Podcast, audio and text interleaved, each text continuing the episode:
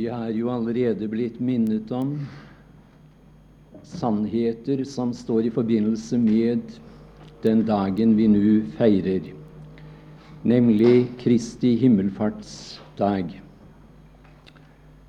Nå kommer eh, kanskje jeg ikke så meget inn på spesielt denne dagen, men eh, de sannheter som jeg kommer til å berøre, de har allikevel i høyeste grad med Kristi bortgang til Faderen å gjøre.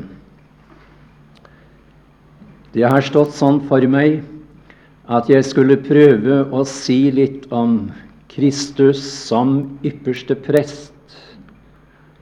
Og jeg tror det er et høyaktuelt emne.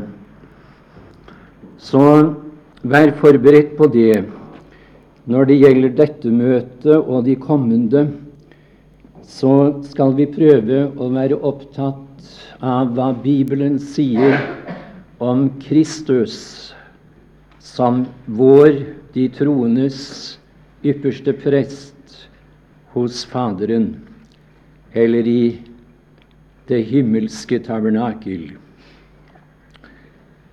Vi skal lese eh, spesielt ett vers. Vi må visst lese to fra Hebrebrevets tredje kapittel som utgangspunkt. Hebrebrevets tredje kapittel, vers, vers 1 og 2, i Jesu navn. Derfor, hellige brødre, I som har fått del i et himmelsk kall, gi akt på den apostel og ypperste prest som vi bekjenner, Jesus, han som for den Han som var tro mot den som gjorde han dertil, like som og Moses var i hele hans hus. Amen. Du la sikkert merke til da jeg leste det første verset her i Hebrebrevet 3, at eh, Kristus er her omtalt på to måter. Det sies at han innehar to embeder, nemlig som apostel og som ypperste prest. Og jeg skal bare nevne eh, ganske kort at som den der er utsendt fra Faderen til verden, kalles Kristus apostel. En apostel, det er en som er utsendt fra Gud til oss. Nå kunne det være meget å si i forbindelse med dette emnet, men jeg skal ikke komme nærmere inn på det.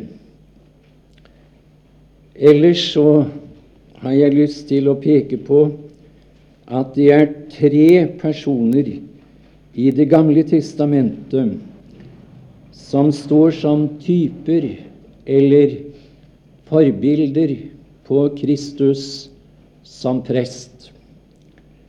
Og det er for det første Aron. Og jeg skulle ønsket at spesielt de yngre som er her i dag, kunne få fatt på dette. Det vil bety usigelig meget for dere når det gjelder bibelstudiet, og i det hele tatt når det gjelder deres forhold til Gud i troeslivet.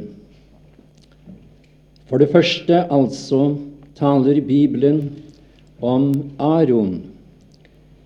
Og han er et bilde på Kristus som sant menneske, som ofrer seg selv på Golgata kors. Eh, vi skal komme litt nærmere inn på det etter hvert som vi nå skrider frem i våre betraktninger. For det annet taler Bibelen om en person en ganske merkelig person, egentlig, som het Melkisedek. Melkisedek står som et bilde på Kristi himmelske tjeneste. Det leder tanken på hva han er opptatt med i dag, ved Guds høyre hånd efter sin død og oppstandelse. Og for det tredje tales det om en person i Fjerde Mosebok som jeg også ser som et tydelig forbilde på Kristus som prest. Og jeg vil gjerne at du skal slå opp på Fjerde Mosebok, det 25. kapittel. Sammenhengen her er denne. Israels barn de drev utukt med Moabs døtre. Det hendte i Sittim, fortelles det her. Og av den grunn slo Herren dem med pest. Og så er det en person som står frem her, og det er Pinias. Han var også prest, som du her vil se. Og Jeg vil bare lese det ellevte vers. Der heter det Pinias, sønn av Eliasar og sønnesønn av Aron, pressen, og merk nå disse ord, har avvent min vrede fra Israels barn. Jeg ser Pinias som et bilde på det som vil finne sted når den Herre Jesus kommer tilbake til jorden. Jeg snakker ikke nå om når han kommer til lufthimmelen for å bortrykke forsamlingen, menigheten, men jeg tenker på når han kommer tilbake til denne jord efter den antikristelige store trengsel. Da kommer han i den hensikt mine tilhører, å avvende vreden fra Israels barn. Dette kunne det også naturligvis vært meget å si om, men for tidens skyld må vi bare nevne det. Du kan føre tanken videre når du leser om denne gammeltestamentlige person, denne prest, i Fjerne Mosebok 25. Så skal vi se litt på hva vi forstår ved en ypperste prest. Det er eh, meget mulig at det blir noe belærende, men jeg har kommet mer og mer til det at å undervise Guds folk ut fra Guds ord, det er meget, meget viktig i denne tid. Det er så mange lærdomsvær som blåser. Og det har vist seg, har jeg lagt merke til, at de som man trodde var grunnfestet, endog de har lett for å la seg forlede av disse forskjellige lærdommer. Så nå skal vi prøve å ta det litt rolig og betrakte dette Kristus som prest, eller ypperste prest.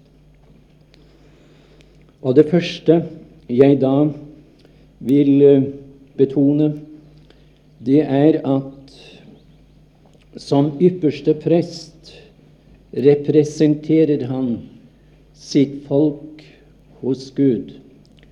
Og Jeg skal gjerne gjenta det, så hvis det er noen av dere som noterer, så kan dere få anledning til å feste det til papiret.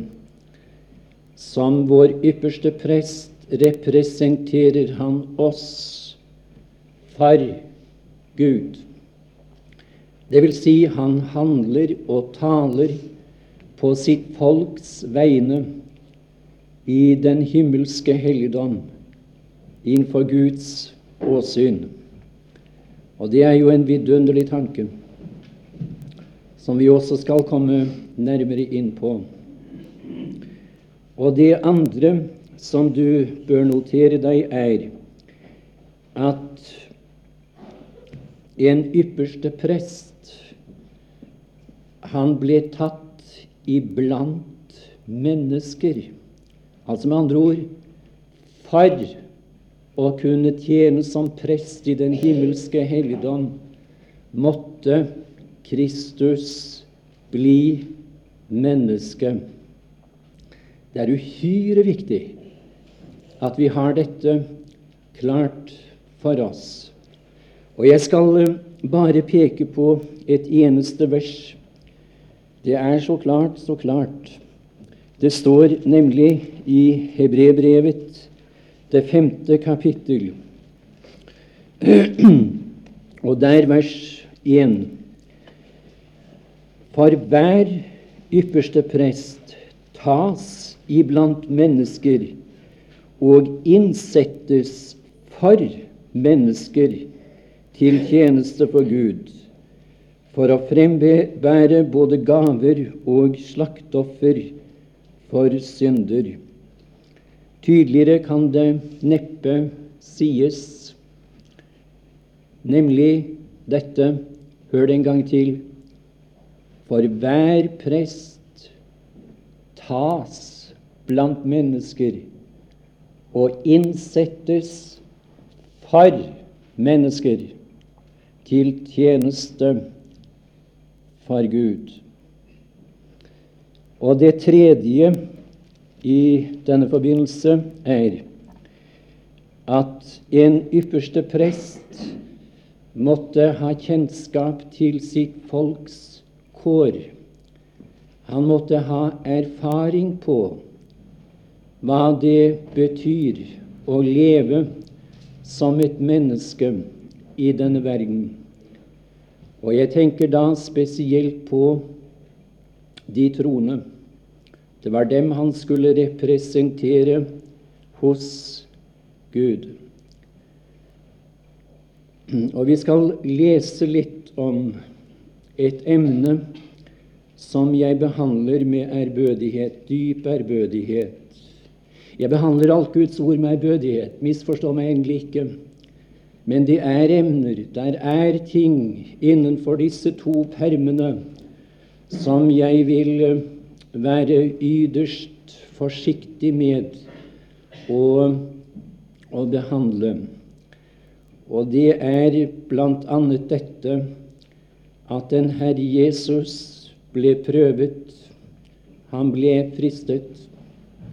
Kristus, sier Bibelen, ble fristet mens han var her nede. Og vi skal igjen henvende oss til hebreerbrevet.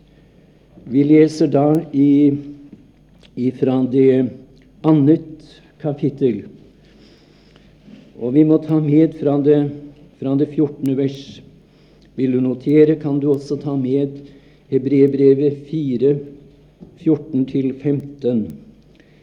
Eftersom da barna har del i blod og kjød, fikk også han i like måte del deri, for at han ved døden kunne gjøre til intet den som hadde dødens velde, det er djevelen, og utfri alle dem som har frykt for døden, var i trelldom all sin livstid.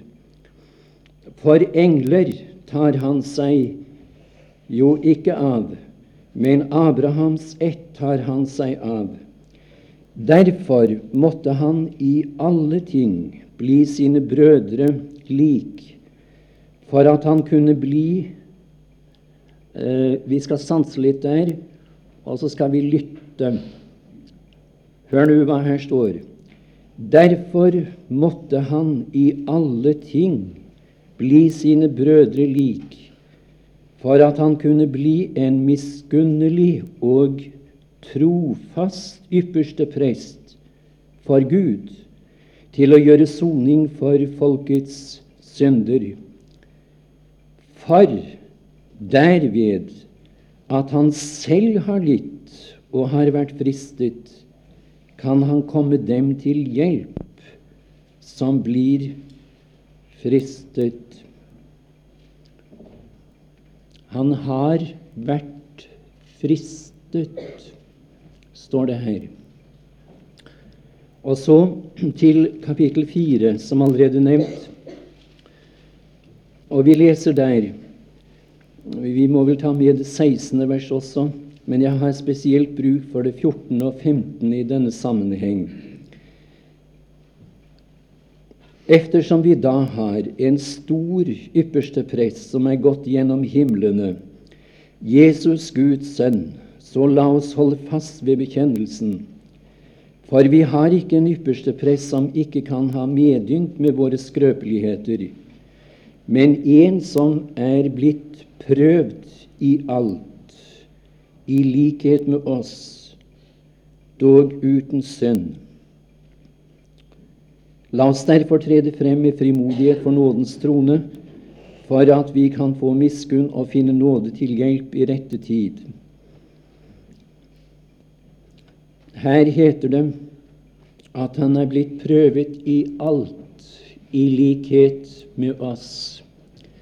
Og jeg tror, så langt jeg kjenner til det, at dette sted ofte blir misforstått. Vi skal legge merke til at det er flere måter en kan bli fristet på. Eller ordet 'friste' det har egentlig flere betydninger i Bibelen. Det kan bety f.eks. at man blir egget, opphisset og forlokket. Det er slik vi blir fristet. Når djevelen angriper oss, så finner han her et kontaktpunkt. Jeg tror ikke det finnes en troende i denne forsamling som er til stede her i dag, som, som vil protestere på det. Djevelen finner et tilknytningspunkt i deg nemlig den gamle natur, den adamittiske bunnfordervede naturen i deg, sanksjonerer med djevelens fristelser. Ikke sant? Det er sånn vi blir fristet. Men uh, ordet 'friste' det kan også bety å sette på prøve. Å sette på prøve. Og det er ikke tvil hos meg. Jeg kan betro dere at jeg har vært meget opptatt med dette spørsmål gjennom ganske mange år.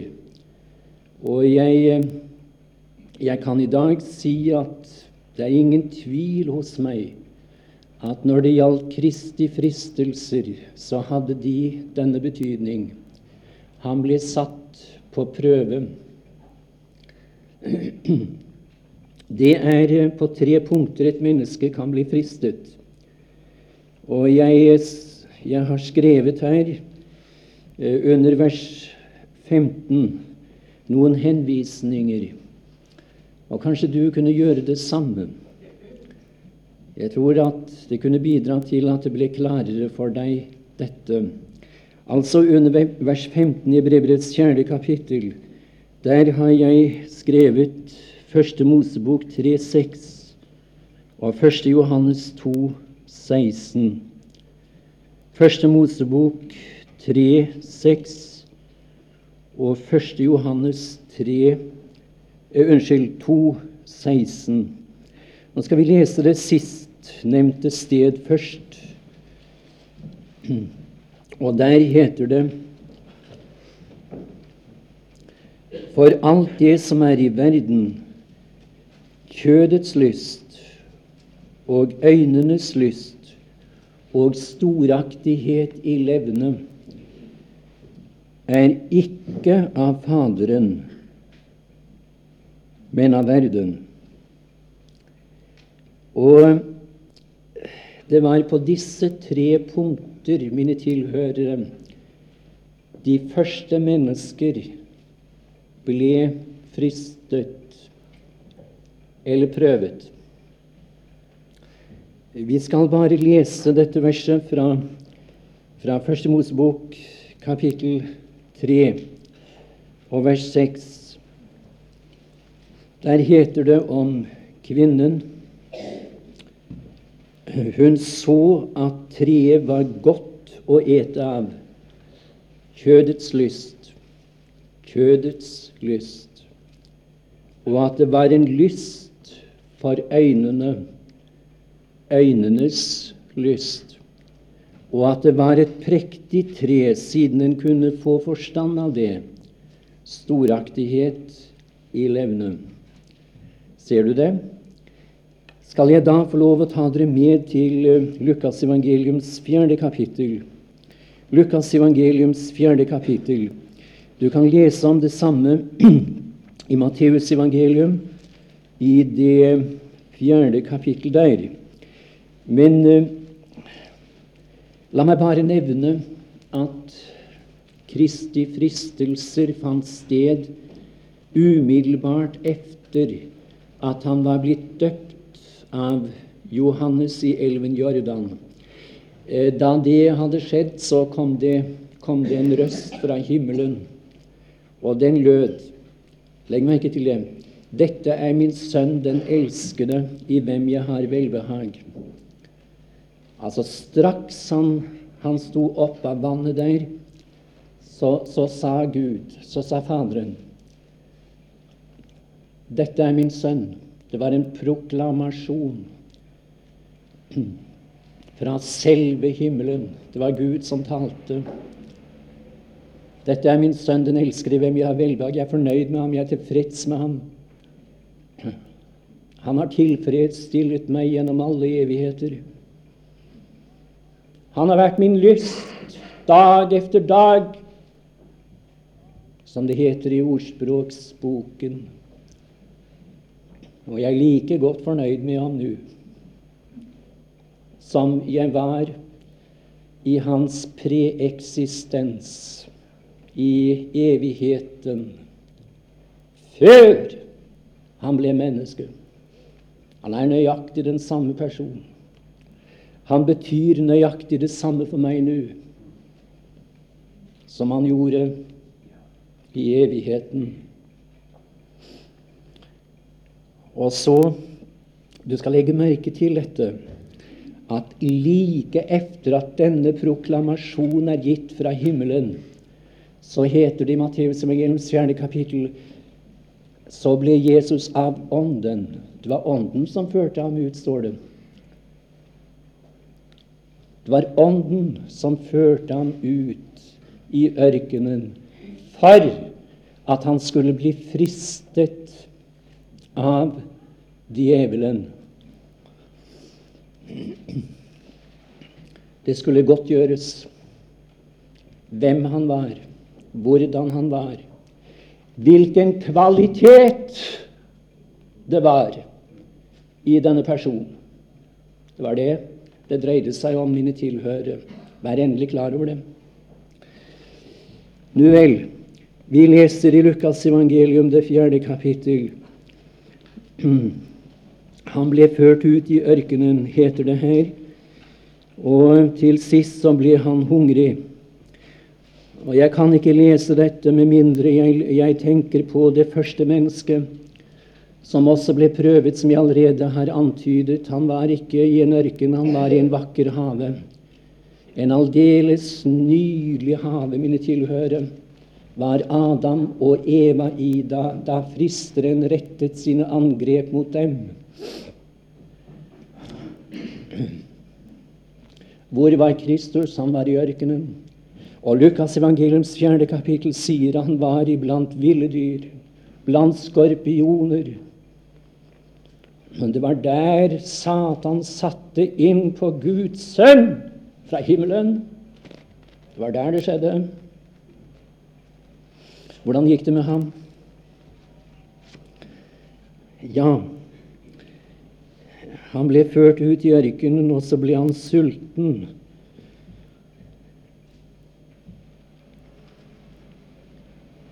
Kjødets lyst, i dette tilfellet legemets lyst, naturligvis. legemets lyst. Han ble hungrig. Og ble det et forslag fremført av djevelen. Kan du ikke gjøre disse stener til brødhus som er Guds sønn? Jo visst kunne han det. Med letthet. Skaperen kunne naturligvis gjøre disse stener til brød og tilfredsstille sin hunger der. Men det er bare det med at hvis han hadde gjort det, så var det i og for seg ikke synd, naturligvis. Langt ifra. Men, men om han hadde gjort det, ville han ikke ha kunnet tilfredsstillet deg og meg. Det er saken. Han var kommet her for å, for å, tilfredsstille syndere. Han var kommet her for å dø på forbannelsens tre. Han var kommet her for å fjerne din synd! Det var det han kom for. Det var i det æren Guds sønn gikk ut fra herligheten og ned til denne jords jammerdal. Det var for å redde deg, tilfredsstille deg.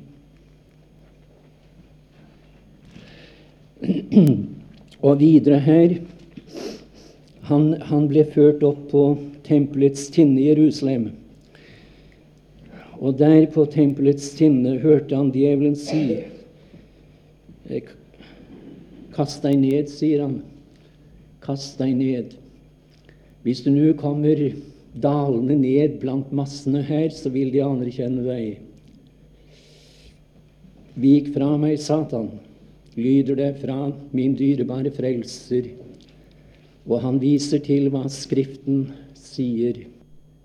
Så du ser for det første kjødets lyst. Jeg liker å si i forbindelse med min frelser legemets lyst, men altså fra djevelens side var beregningen han skulle finne et punkt hvorpå han kunne felle denne personen, naturligvis.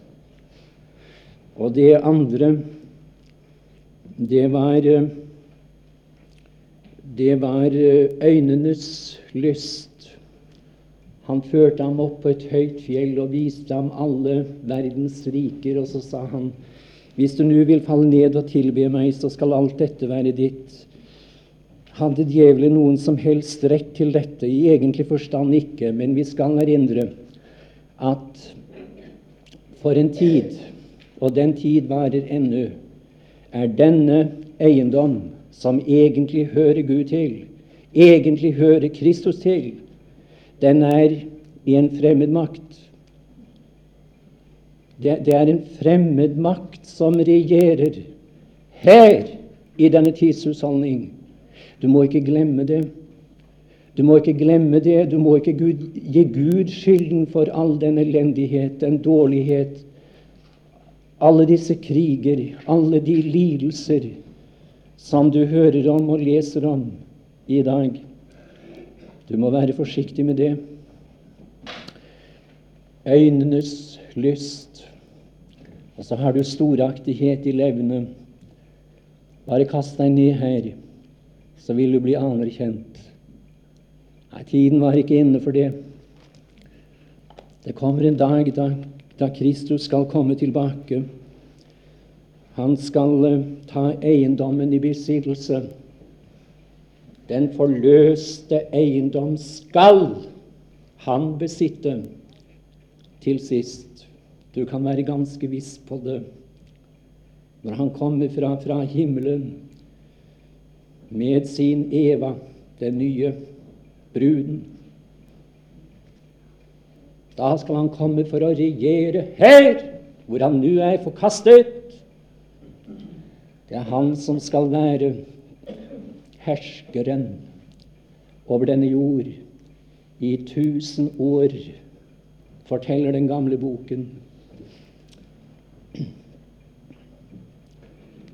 Han ble prøvet. Og tilbake til Hebrebrevets fjerde kapittel. Han ble prøvd i alt, altså på de tre punkter. Og det er ikke på noen andre punkter et menneske kan bli prøvet eller fristet. Nemlig. Men han ble prøvet. Og så står det 'dog uten synd'. Eh, nå kjenner jeg til forskjellige mm, eh, teorier om dette. De forskjellige dogmer, om jeg kan si det slik. Det er jo de som virkelig våger å si at Kristus hadde en syndig natur. Han, han, han hadde kjødet, kjødets lyst i likhet med deg og meg. Men, men han vant seier over dem. Og en av de fremste representanter og ledere for, for Smiths venner her i landet, han sier at når Romerbrevets åttende kapittel og tredje vers lyder slik Han fordømte synden i kjødet, så fordømte Kristus da synden i sitt eget kjød, i og med at han vant seier over den gamle, onde, fordervede naturen i ham. Vær på vakt, godtfolk. Det gjelder å ha kunnskap. Det gjelder å kjenne sin bibel i dag.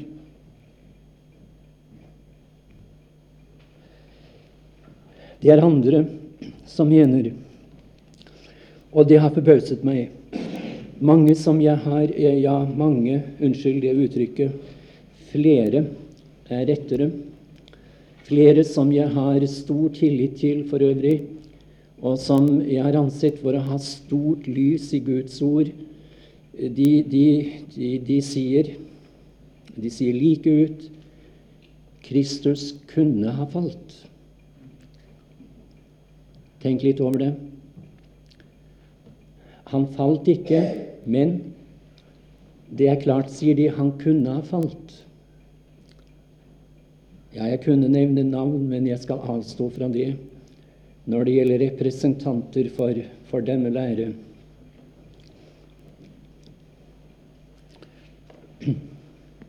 Hva sier Bibelen? Det innvendes, eller det argumenteres, rettere sagt, når det gjelder dette synet, eh, med at man viser til Lucifer. Lucifer denne strålende stjerne, denne morgenrødens sønn, denne salvede kjerub, denne vakre person. En skjønnere person, så vidt jeg kan forstå, har ikke eksistert noensinne. Han ble satt på det, det hellige gudefjell. Han ble betrodd stor makt av Herren. Men så opphøyet han seg på grunn av sin skjønnhet. Og så sa han, jeg, vil stige opp til Gud'. Det var nesten som han, som han misunte Gud hans stilling. Han ville innta samme plass, helst være litt over ham. Lucifer, djevelen, Satan, som vi kjenner ham i dag. De sier men når han kunne falle For han var jo fullkommen. Videre refereres det til Adam. Adam var fullkommen. Ja, det kan vi ikke protestere på. Alt som er levert fra Guds hånd, det er et fullkomment produkt. Og Adam var fullkommen. Og Eva var fullkommen, naturligvis var de det. Men når de kunne falle, eh, sies det, da kunne naturligvis også Kristus ha falt. Det kunne skje. Ja, jeg håper du tenker du. Det gjelder at vi tenker litt i våre møter i dag. Vi har blitt vant til å, å sveve litt bare sånn få litt på følelsene. Så går vi hjem, og så har vi glemt det hele. Ta med deg disse tankene.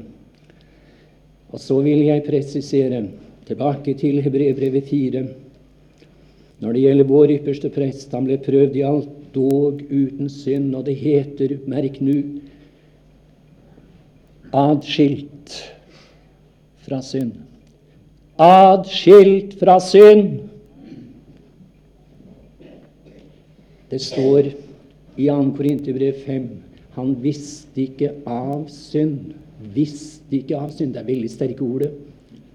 Visste ikke av synd.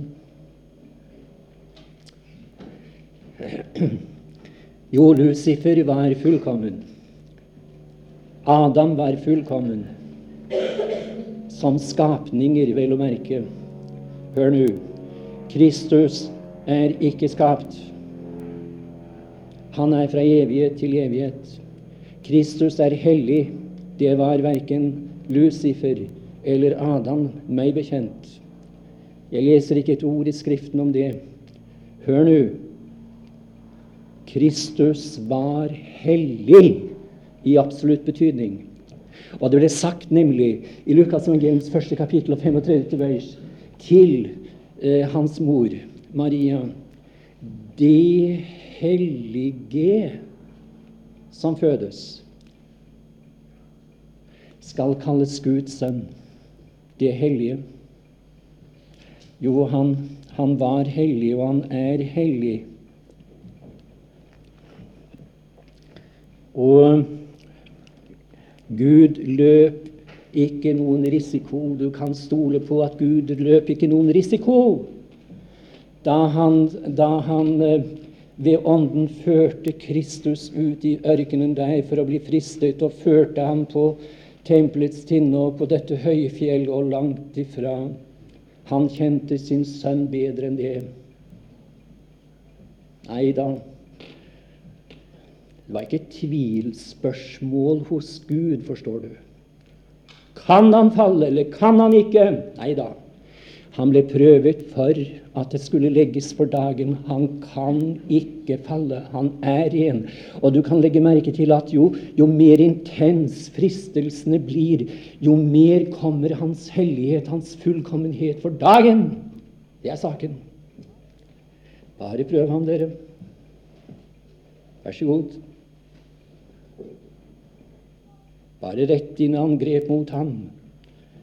Du djevel, du gamle slange fra Edenshavet. Du skal få se at det er en person som jeg har grunn til å være fornøyd med. Visste ikke av synd. Jeg ville gjerne si litt om forskjellen mellom Aron og, og Melkisedek. Og det er jo et emne som jeg tror ikke så ofte blir behandlet, verken i våre bibeltimer eller, eller møter. Og jeg kommer ikke inn på det i aften. Jeg skal, jeg skal komme nærmere inn på det i morgen aften. Eh, dette med Melkesedek. Men du kan kanskje allerede ta med deg den tanke eh, at det er en vesensforskjell på de to personer som typer på Kristus. Merk, Aron er offerprest. Offerprest. Jeg understreker offerprest. Når det gjelder Melkisedek, så hører vi ikke noe om at han gjorde soning for synd. Det er, det er, ikke nevnt noe i forbindelse med, med offer eller død eller noe blod eller synd og skyld og dom og straff og vrede eller noe av dette der i forbindelse med Melkisedek.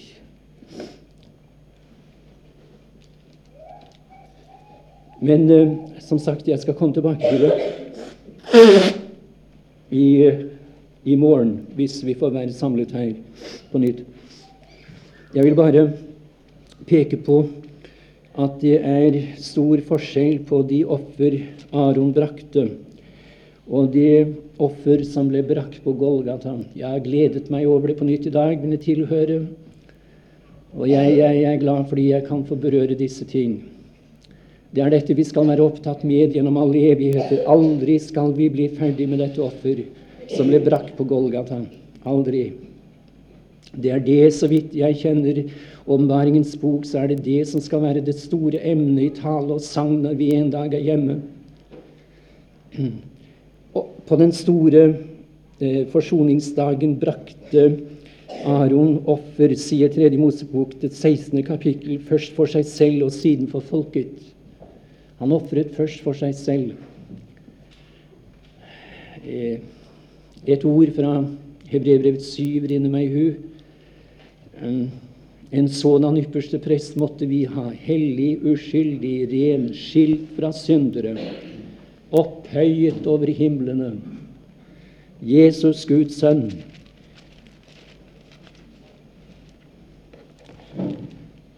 En som ikke hver dag trenger til, like som ypperste presten, først og frem bære offer for sine egne synder, deretter for folket. For dette gjorde han en gang for alle. Det skjedde soning. Det ble gjort soning i Det gamle testamentet ved de offer som der ble brakt. Men vi skal merke oss at ordet soning i Det gamle testamentet betyr å dekke over.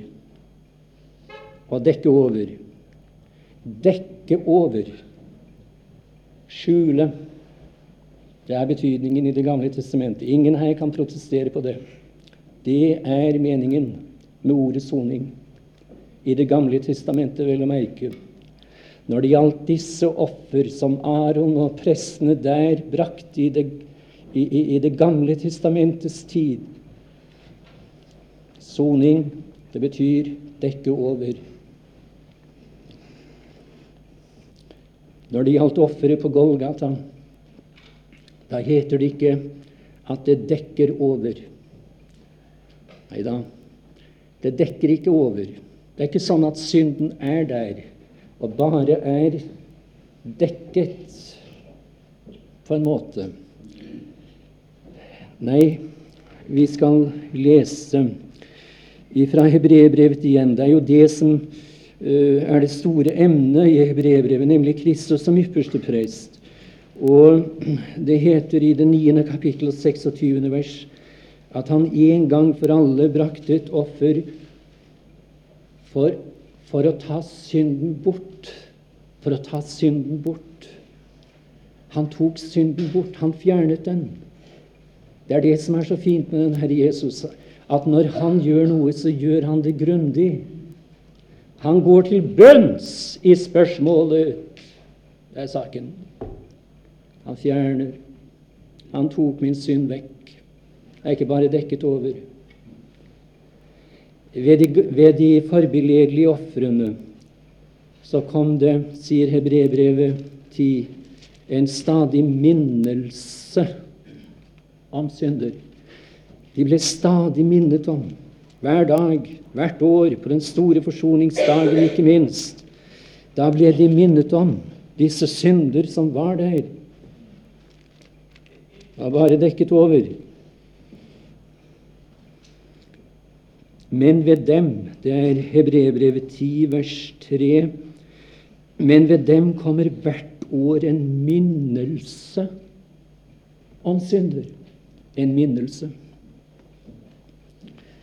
Hva så med det store offer som Kristus brakte i seg selv da han døde på et kors? På Golgata kors. Ja, vi kan bare lese litt lenger ut i samme kapittel, nemlig det 17. vers. 17. vers i Hebrebrevets 10. kapittel. Og der, der, står det Og deres synder og deres overtredelser vil jeg ikke mer komme i hu.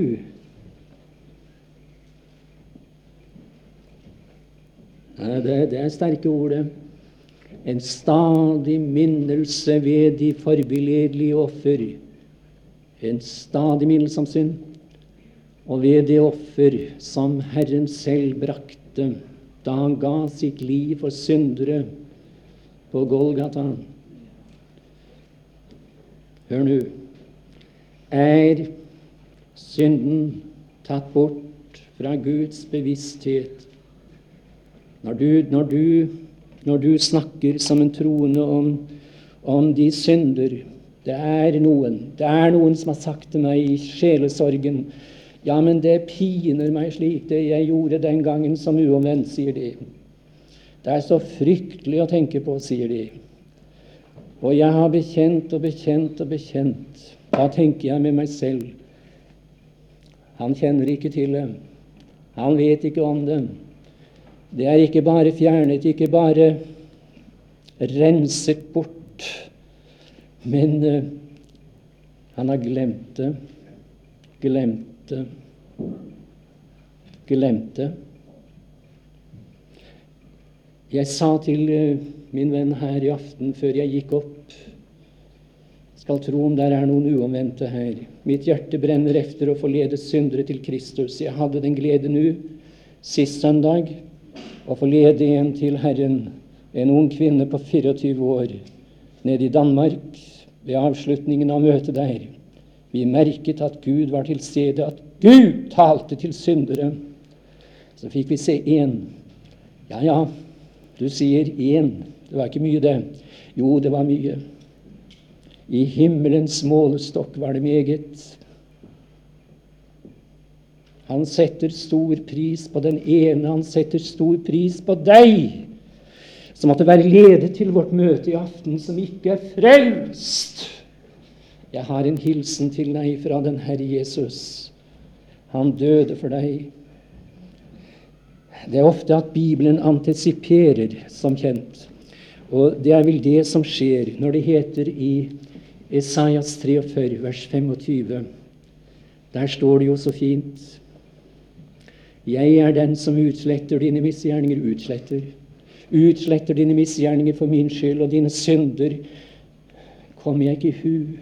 Kommer jeg ikke i hu. Glemt. Jeg kjenner ikke til det der som du snakker om. Det er borte. Fjernet.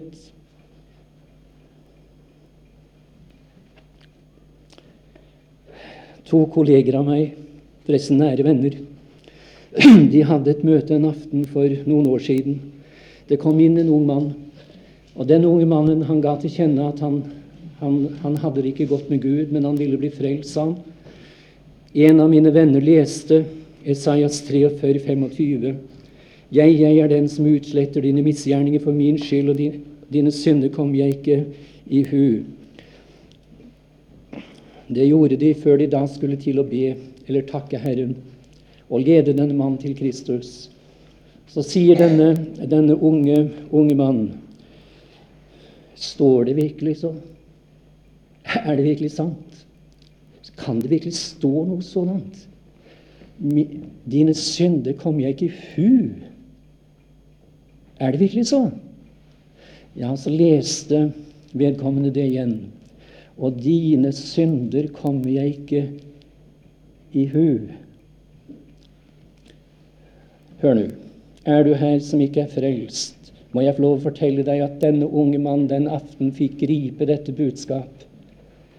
Han gikk frelst, rettferdiggjort hjem til sitt hus den aften. Du kan bli reddet.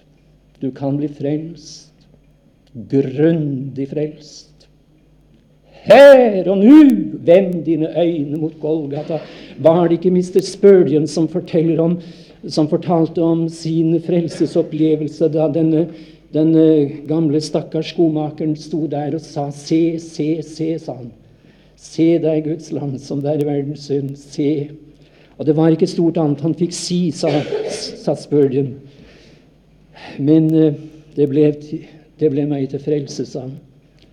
Jeg så, sa han, så øynene ville nesten springe ut av hodet på meg. Jeg så det Guds land.